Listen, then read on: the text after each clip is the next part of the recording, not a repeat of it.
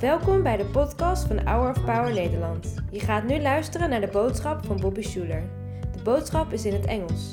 Liever met Nederlandse ondertiteling erbij? Bekijk dan de uitzending op hourofpower.nl of op ons YouTube kanaal.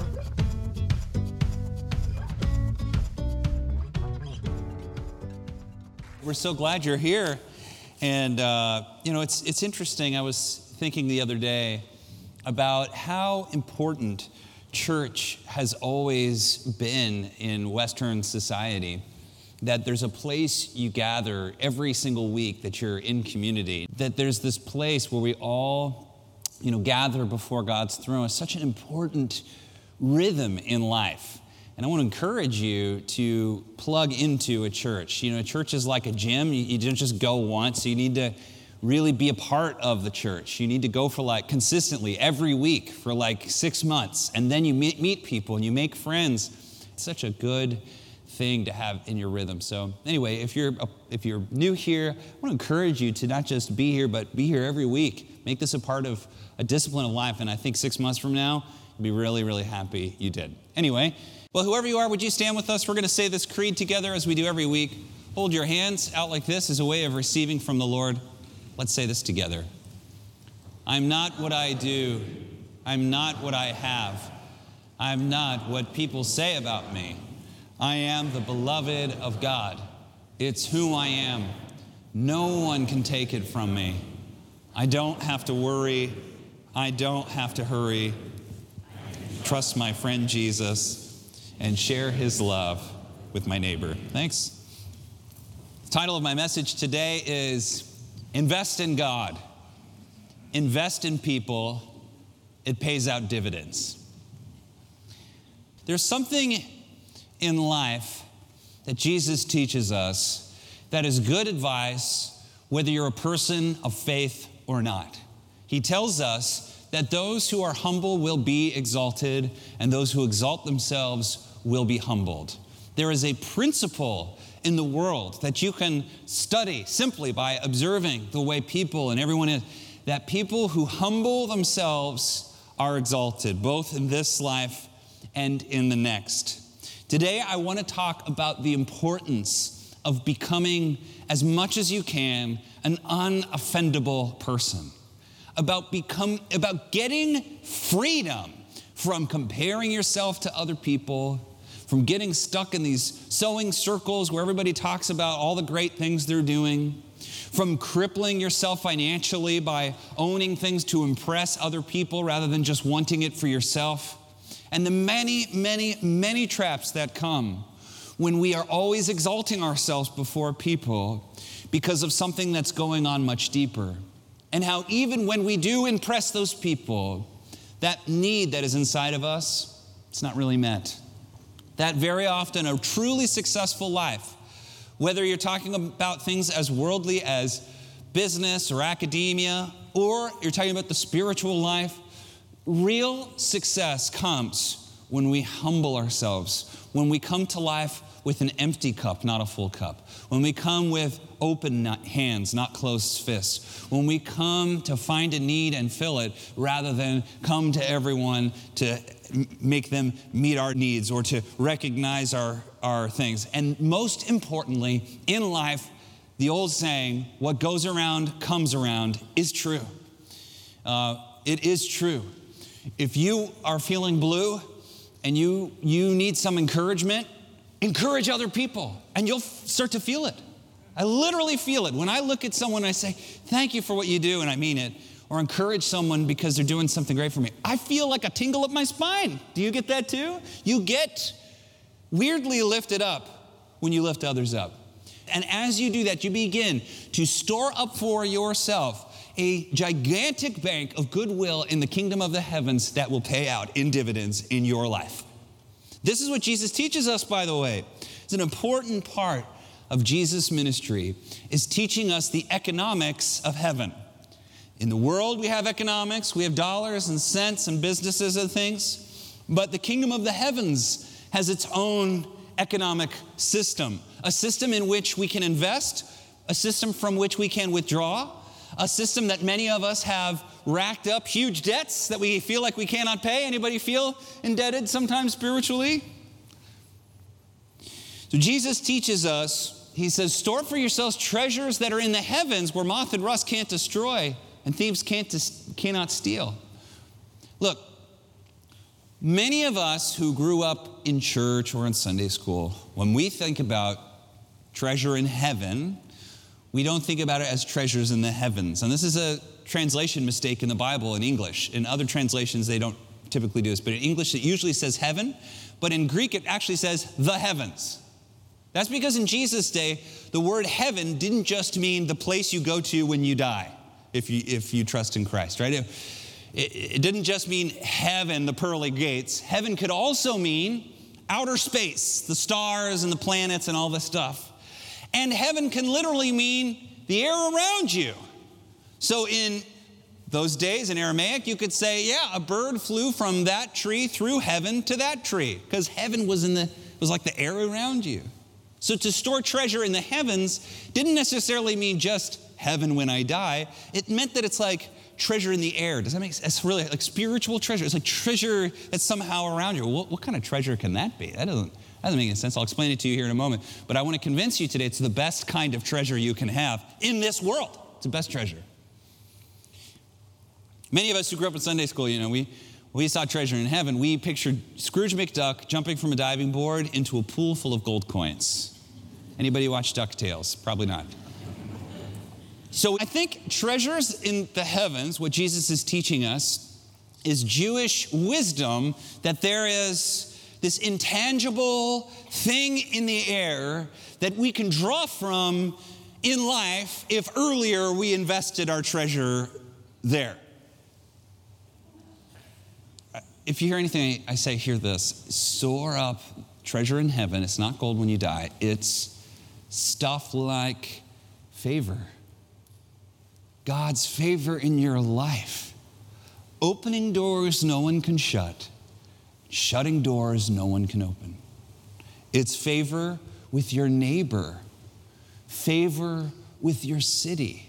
It's people saying, she is, he is a trustworthy person.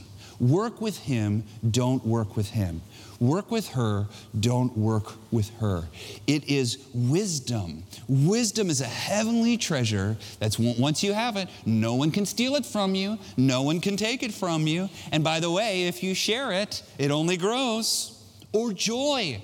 Joy from the Holy Spirit is a heavenly treasure that no one can take from you. Goodwill from doing what is right, always from doing the next right thing. Goodwill in your business with your boss or your employees or your neighbors or your family. That is a heavenly treasure that no one can take from you. And it pays out, my friends, in dividends. You can lose all the money in the world but if you have that stuff, you've got something better, something much, much better.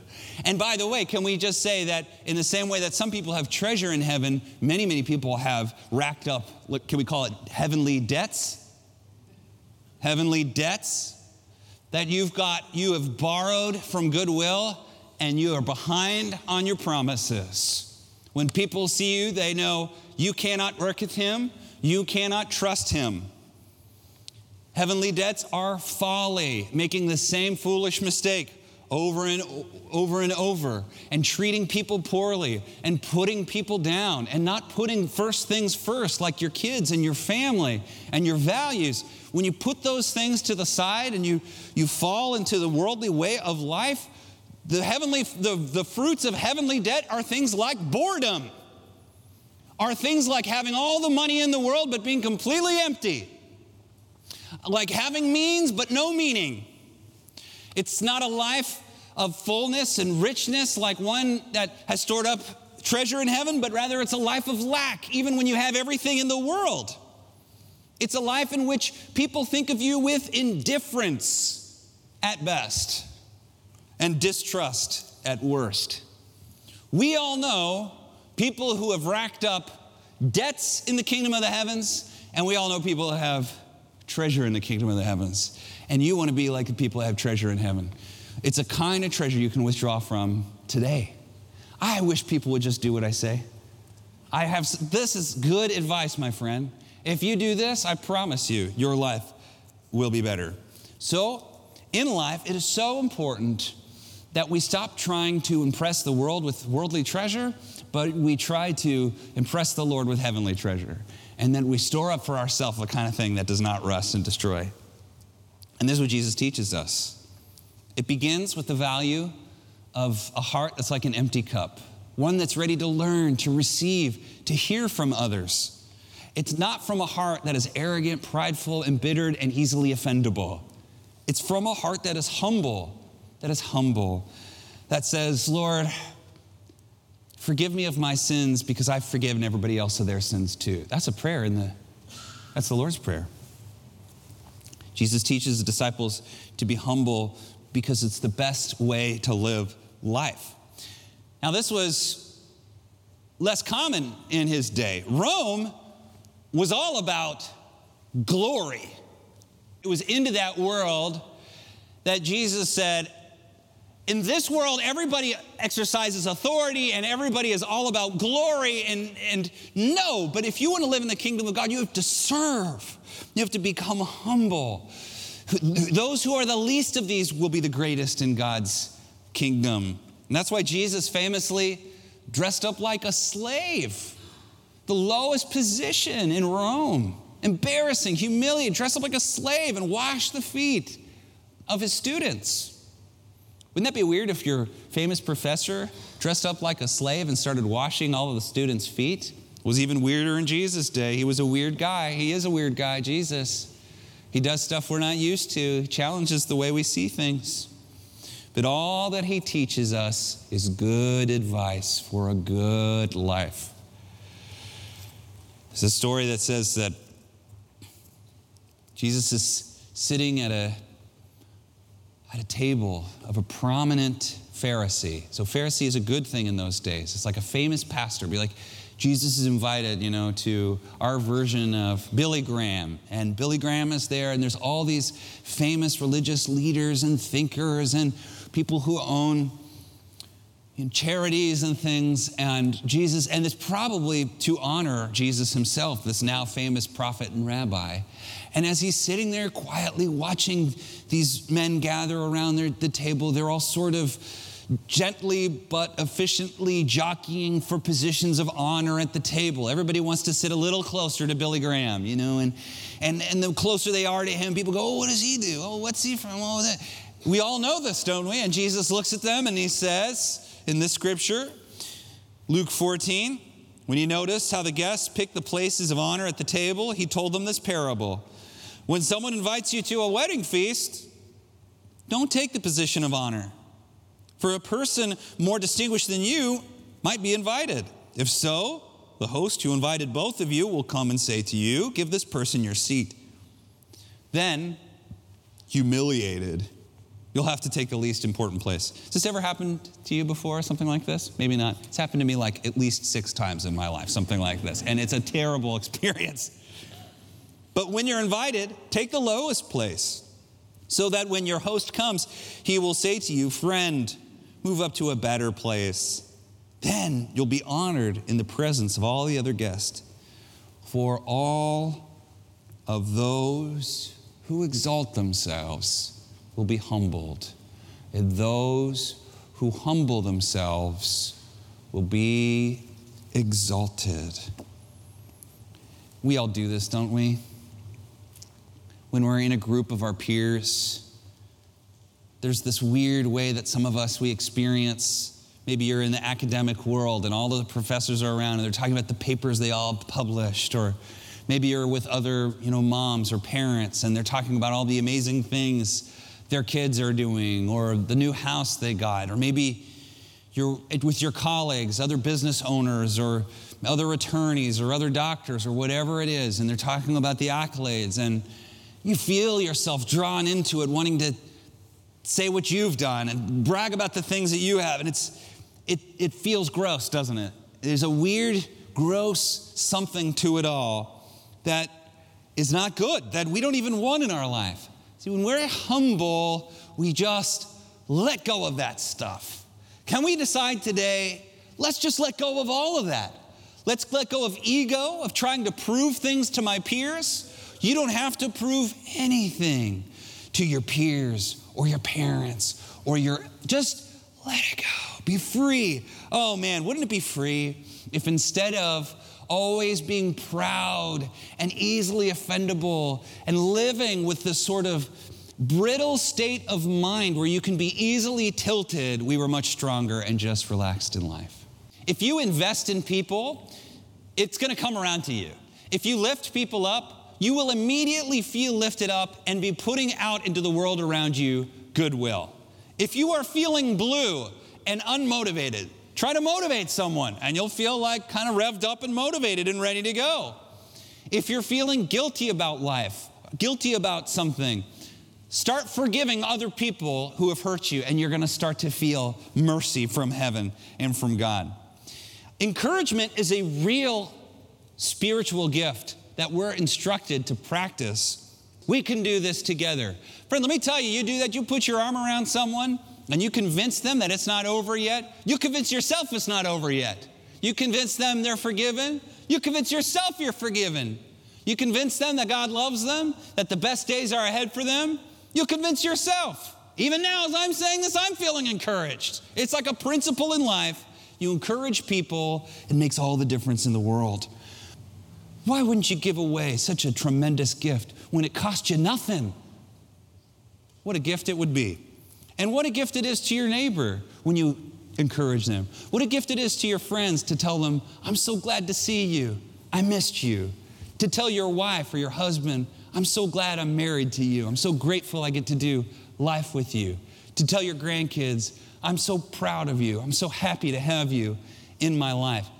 Even when you say those things again, you feel your own life lift up. And that's not why we do it, but there's just so many benefits. If there's so few things in this world that have such a great personal benefit at such little cost, why wouldn't we do it? When you lift other people up, you lift yourself up. When you lift other people up, you'll be lifted up. And don't forget to bless the Lord. Today, bless the Lord before you go to bed and bless Him when you rise. Would you do that?